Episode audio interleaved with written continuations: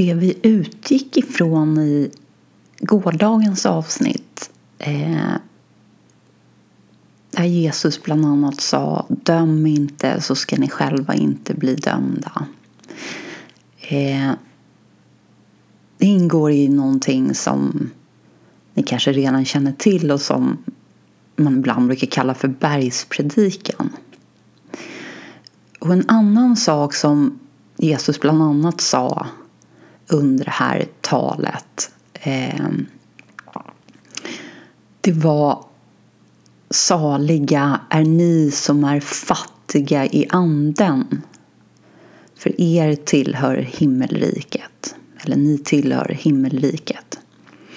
Och man kan fundera lite över vad det där med fattig i anden egentligen innebär. Som ni kanske också vet så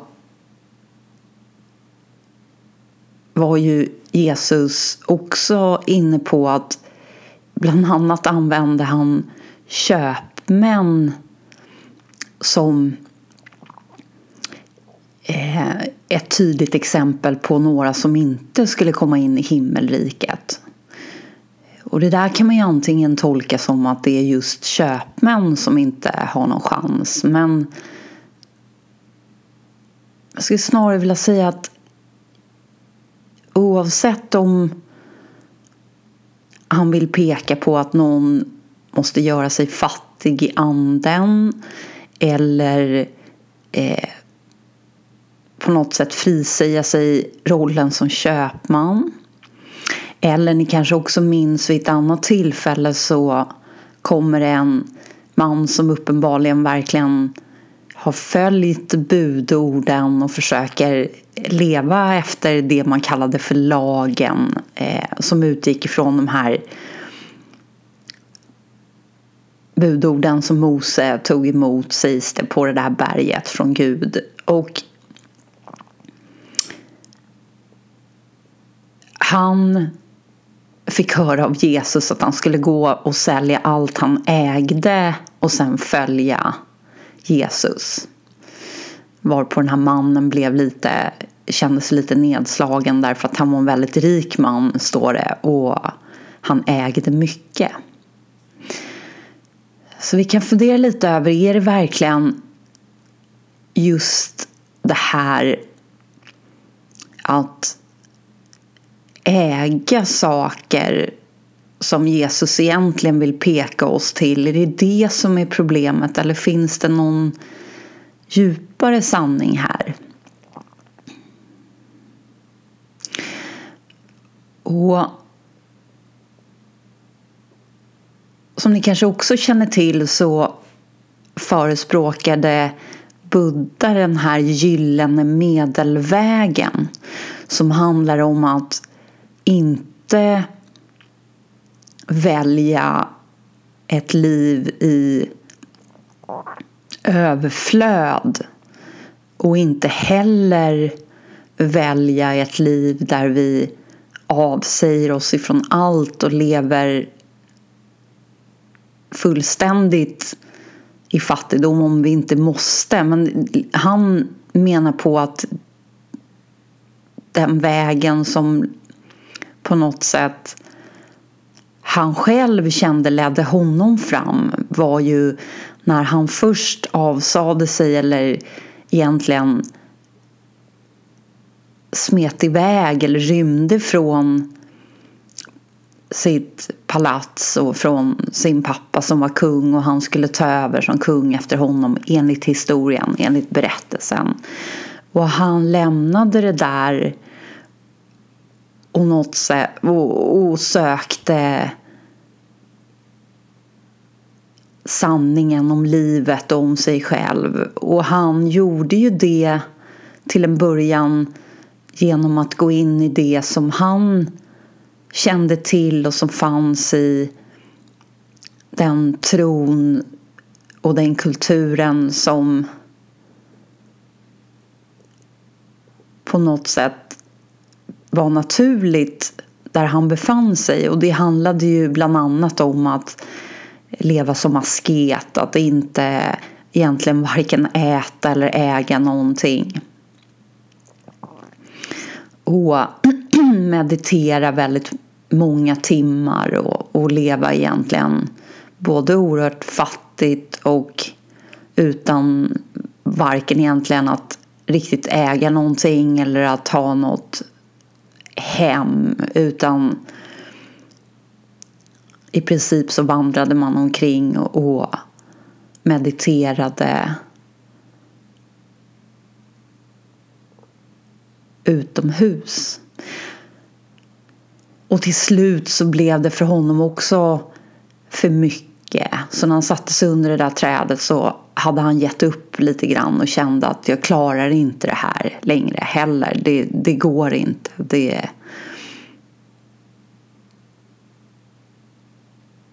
det blir för mycket. Så han förespråkade på något sätt istället det man brukar kalla för den gyllene medelvägen. Och Jesus pratar i olika sammanhang om fattig i anden och han lyfter de fattiga på något sätt kan det tyckas. Och han pekar ut bland annat köpmän som några som inte kommer komma in i himmelriket. Vad är det för någonting som både Buddha och Jesus egentligen pekar oss in mot?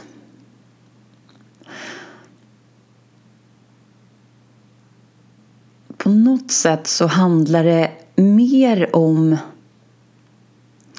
vad vi som individer har för kopplingar till den här världen. Hur starka de kopplingarna är. Och på engelska är ordet jag egentligen söker attachment. Men på svenska om man ska översätta det så blir det någonting i stil med anknytning eller möjligen koppling. Och jag, som vanligt är jag inte riktigt lika nöjd med de orden. Men vi får låta orden ha mindre betydelse här och hoppas att vi ändå kan bli pekade rätt. Och vi kan ju ha mer eller mindre anknytning eller kopplingar till den här världen. Om vi äger lite och har lite, vi kanske inte har någon familj, inte så många vänner, inte så stort ägande. Då är det ju på pappret så att vi har få anknytningar eller få kopplingar. Medan om vi äger mycket och har många vänner och en stor familj då har vi många på pappret många anknytningar.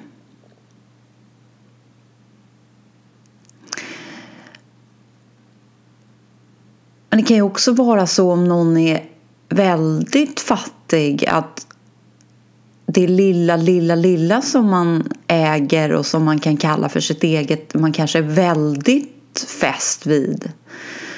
Det kanske är den enda livlinan man känner att man har. Så jag skulle säga att vi behöver gå ytterligare en nivå djupare eller vad vi nu säger för att riktigt hitta sanningen bakom de här kopplingarna, de här attachments. Och fråga oss vem är det som känner kopplingar och anknytningar till den här världen? För utan ett jag, utan ett personligt jag, utan en personlig enhet här så försvinner de där kopplingarna, de där attachments lite grann av sig själva därför att helt plötsligt så har de inget ägandeskap.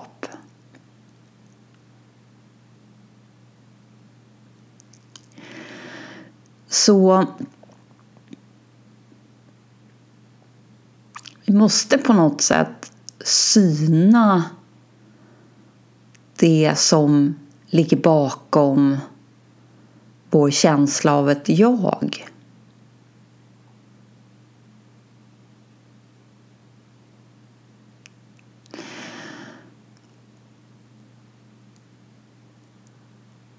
Och det är, som jag har varit inne på tidigare, egentligen inte svårt. Det är mer att för många av oss så känns det inte naturligt att göra det. Jag är någonting som indirekt känns självklart. Men jag är ju jag. Vad, vad skulle kunna finnas för mer sanning än det? Men om vi ändå uppehåller oss en stund där och, och funderar lite över men när du säger att jag är jag, vad, vad exakt är det som du eller som vi syftar på då? Är det kroppen? Och i så fall, var någonstans i kroppen befinner jaget sig? Om vi skulle hugga av båda benen skulle vi bli 25 procent mindre jag då? Eller är jaget, har en specifik plats i kroppen? Är det framförallt hjärnan som vi upplever är kopplat till jaget? Eller vad, vad exakt är det för någonting?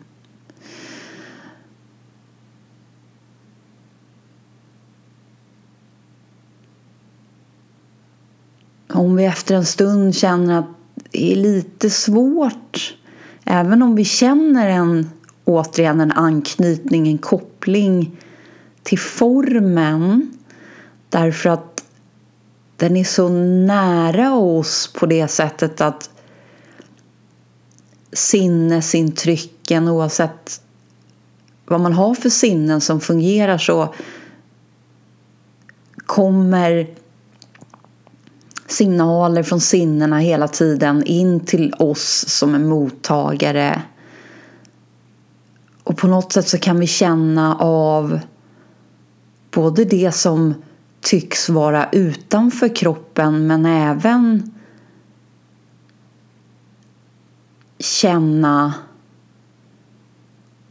det som vi uppfattar som inuti kroppen kanske inte så mycket i detalj men vi kan ju ändå känna allt ifrån att vi kan känna fysisk smärta inuti kroppen till att vi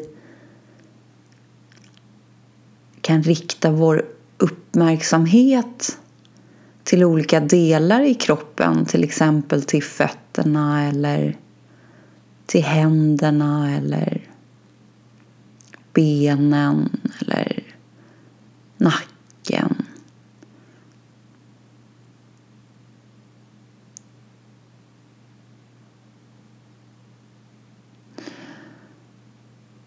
Så även om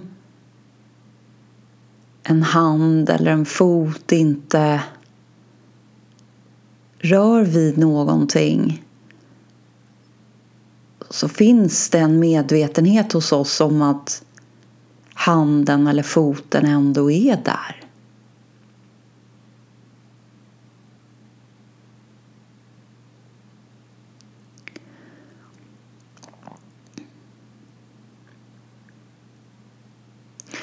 Så det tycks som om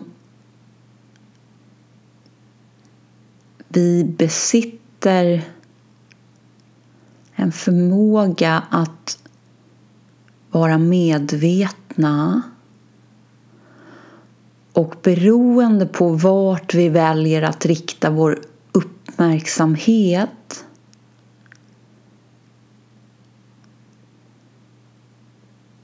så blir det styr det väldigt mycket vår upplevda verklighet. Styr vi vår uppmärksamhet mot formen, mot kroppen då blir det vår upplevda verklighet. Vi är den här formen, vi är den här kroppen. Och styr och riktar vi vår uppmärksamhet mot tankar och känslor som kommer, ja då är vi snabbt identifierade med att vara en psykologisk enhet som kanske har problem eller har ångest eller vad det nu kan vara för någonting.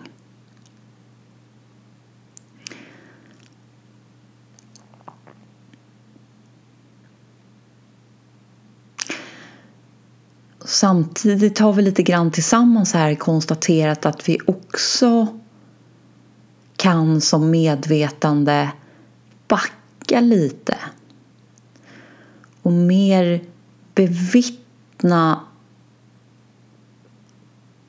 och lämna lite utrymme mellan oss som medvetande och det som vi upplever kommer och går.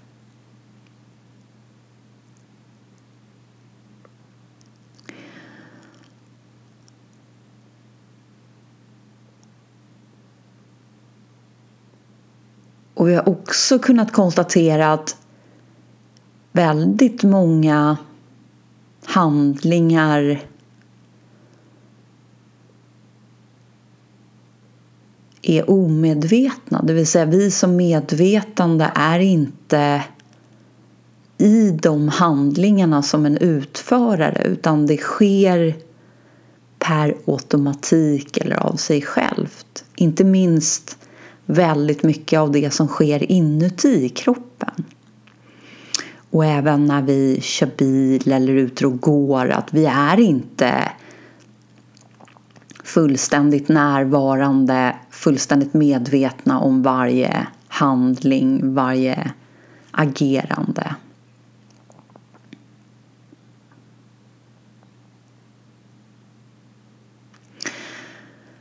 Så den här känslan av ett personligt jag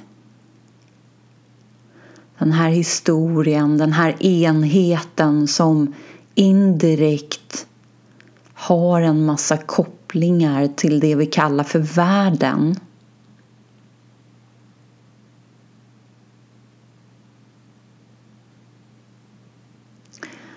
existerar väldigt mycket i vårt minne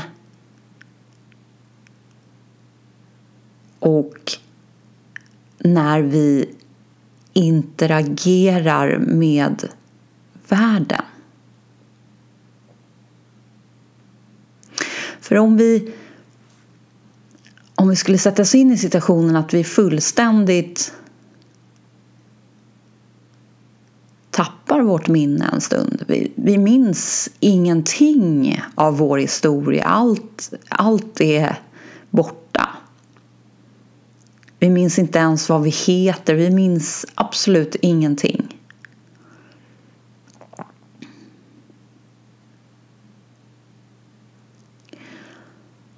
Och vi kanske också har råkat ut för någonting som gör att vi inte ens kan känna vår kropp. Vi kan inte se och vi kan inte höra. Vi har inte riktigt heller någon känsel just nu utan även de sinnena är, är borta.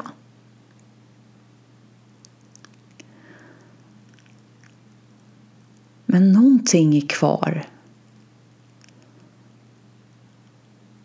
Någonting som vet att trots att förnimmelsen av kroppen inte finns just nu. Trots att det inte finns några minnen just nu så är jag här.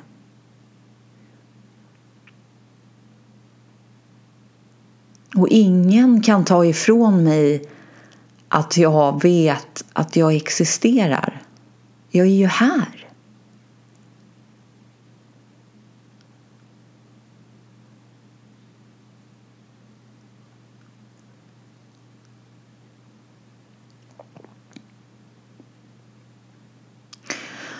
Och den rena känslan av existens, av varande utan någon som helst koppling eller anknytning till vad det varandet är för någonting. Om det är ett objekt, om det har någon form, om det har något syfte. Vi vidrör ingenting av det utan vi bara vilar i att när vi backar hela vägen, när vi skalar bort alla intryck, allt som kommer och går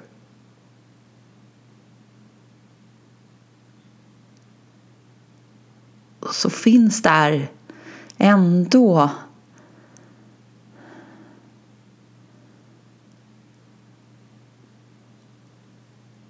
något som är kvar och som inte är något ting utan en känsla av varande. Och den här känslan av varande är ju hela tiden medvetet på något sätt. Det är ju i det här fallet medvetet om att ingenting annat är där.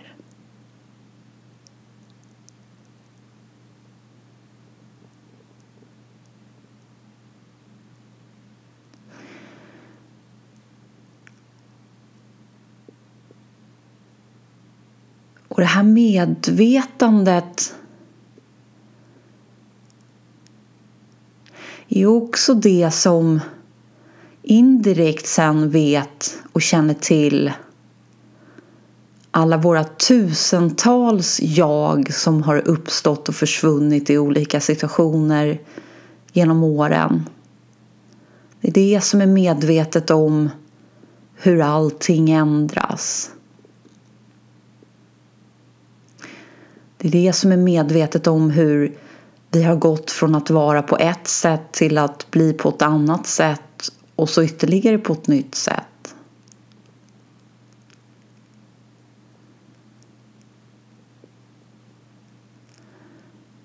Det är också det medvetandet som gör att en människa som nästan helt har tappat sitt minne fortfarande kan konstatera att de har dåligt minne nu. Någonting minns att minnet är dåligt. Någonting har förmågan att jämföra det dåliga minnet med någonting som innan har upplevts på ett annat sätt.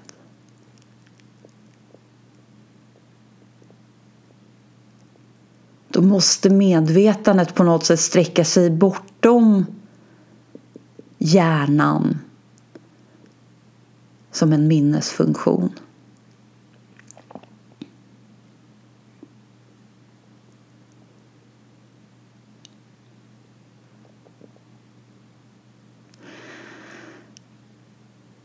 Och den här rena känslan av existens utan koppling till något ting. Inte ens en koppling till en historia eller ett namn, inte till något. Den rena känslan är den enda känslan som egentligen är kvar när vi sover utan att drömma. Då är ju den personliga jag-känslan inte längre där. Inga objekt är där.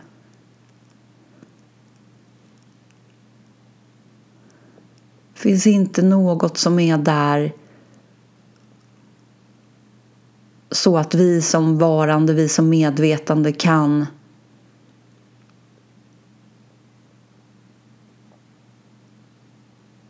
identifiera oss som att existera som en sak som förhåller sig till en annan sak. Utan Det är bara en ren, en ren existentiell, ett rent varande utan någon som helst referensram.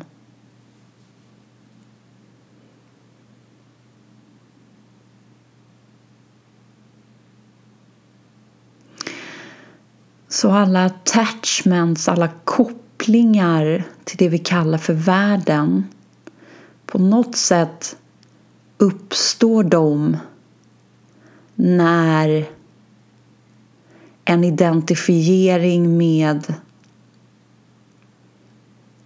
en historia med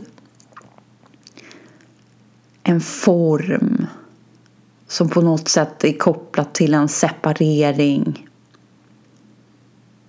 ifrån resten, ifrån allt annat. Där ligger kopplingarna. Det, det är som att varje morgon så är medvetandet där först.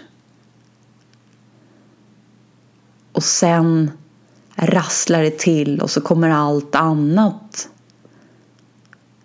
in. Känslan av ett personligt jag och sen är det som att alla, alla attachments, alla kopplingar är där. Och den som bidrar starkt till att allt återigen ska vara på plats så att vi inte hinner reflektera över att det skulle kunna vara på något annat sätt. Det är ju den här rösten i huvudet som ofta använder just jag. Vilket gör att vi snabbt faller in i tron att det är jag som går runt och pratar med mig själv hela dagarna. Det är inget konstigt dårar pratar med sig själva högt men jag är ju ingen dåre, jag pratar ju bara tyst i mitt eget huvud. Det är inget konstigt. Och så går vi runt sådär och, och tar för givet att det är vår egen röst som påminner oss både om allt elände och allt vi måste göra och allt vi borde ha gjort och hur långt vi borde ha kommit i våra liv eller hur fantastiskt långt vi har kommit i förhållande till de andra stackarna eller vad det nu är för någonting. Den här, det här referatet, den här som refererar hela tiden.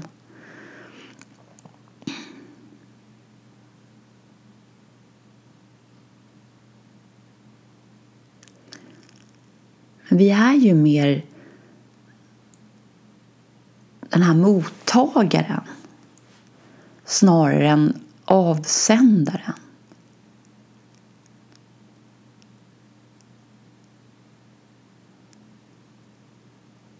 Så mottagaren måste på något sätt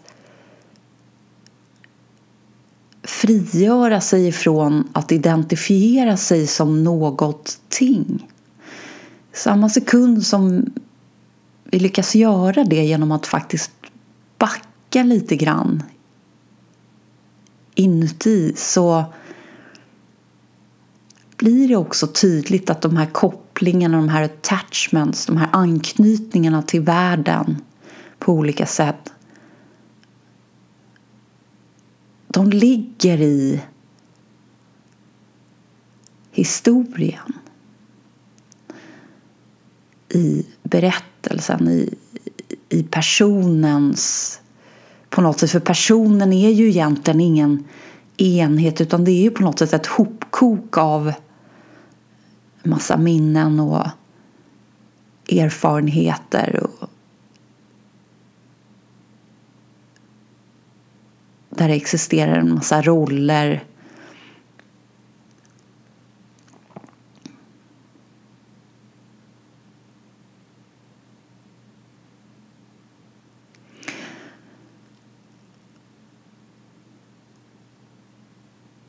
Och det är precis det här som Jesus pekar oss till när han säger saliga är de som är fattiga i anden. Alltså de som har gjort sig tomma på världen. Och Buddha i lite andra ord säger att vi måste på något sätt släppa vårt begär för världen. Så att vi kan frigöra oss från världen och i och med det på något sätt göra slut på lidandet som ofrånkomligt kommer av att vara attached, alltså att ha kopplingar till världen, att, att på något sätt åtrå världen.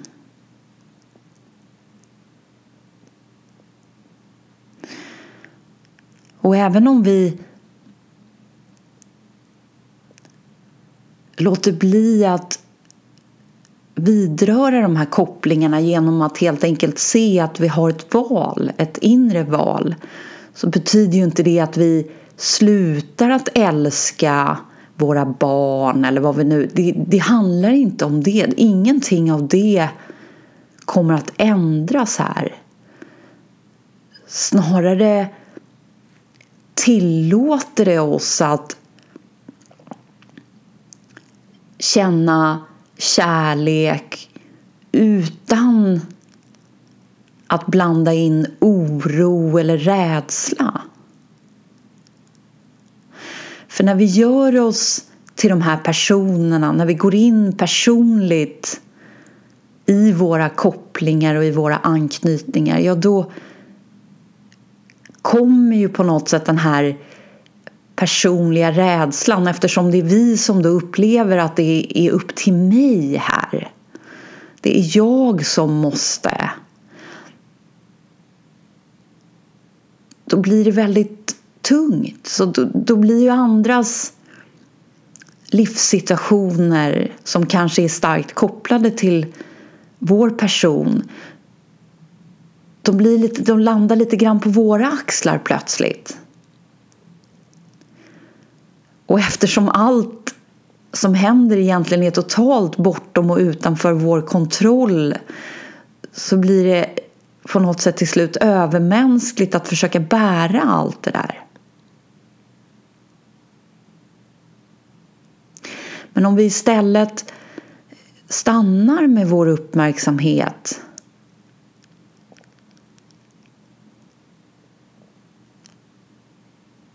i den rena känslan av existens och låter den vila där inom oss så tycks också medvetandet ha förmågan att ändå ha någon slags medvetenhet och känsla för det som är i världen.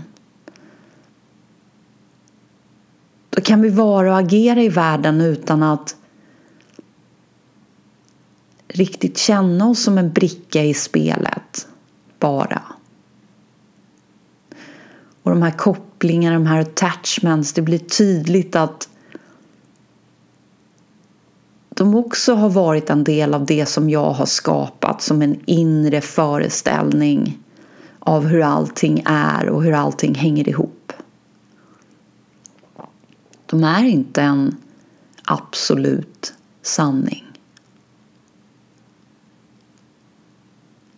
Och inom ramen för världen så har jag valt mina sanningar och begränsat mitt liv utifrån dem.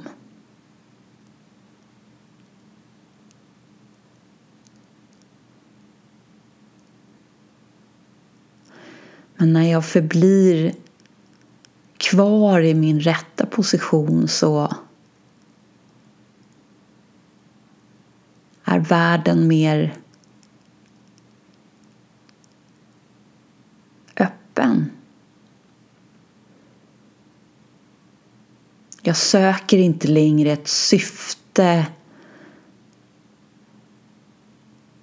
varken på ett större plan eller på ett personligt plan utan jag tillåter livets dans att få utveckla sig så som den känner att den vill utan att ha någon personlig åsikt om det.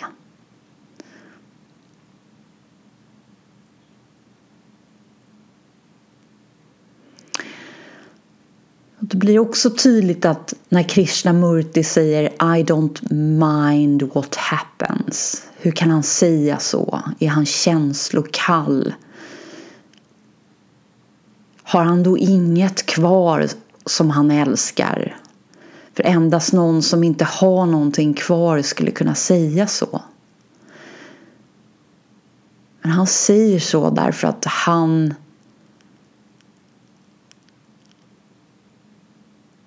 med hela sin uppmärksamhet är centrerad i sitt varande. Han är inte ett ting som är beroende av en massa andra ting.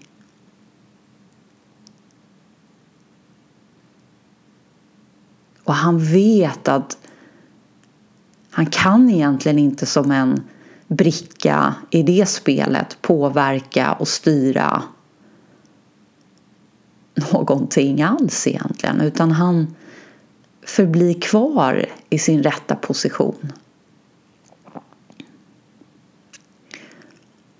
Och Eckart Tolle uttrycker det istället Accept everything that happens as though you have chosen it yourself. Acceptera allt som händer som om du själv hade valt det. Och det är också en form av surrender, att lämna över. Och, och det rotas i sanning. Att stanna kvar i vår rätta position med vår uppmärksamhet. Att vara på något sätt centrerade i inget-tinget. Gör att vi inte längre har personliga kopplingar till världen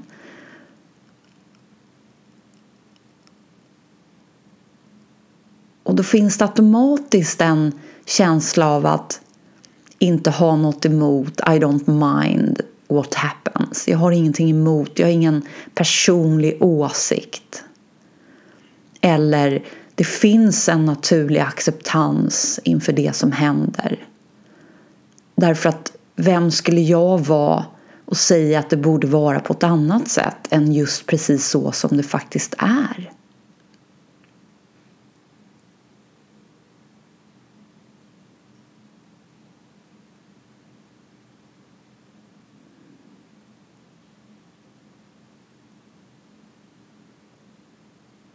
Så jag uppmuntrar er till att prova prova att stanna kvar lite i nollans position.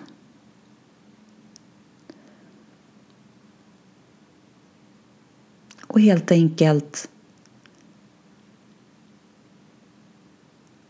se efter för egen del.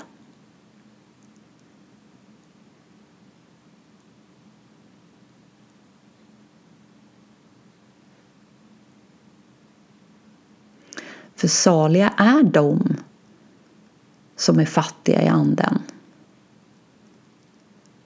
De tillhör himmelriket.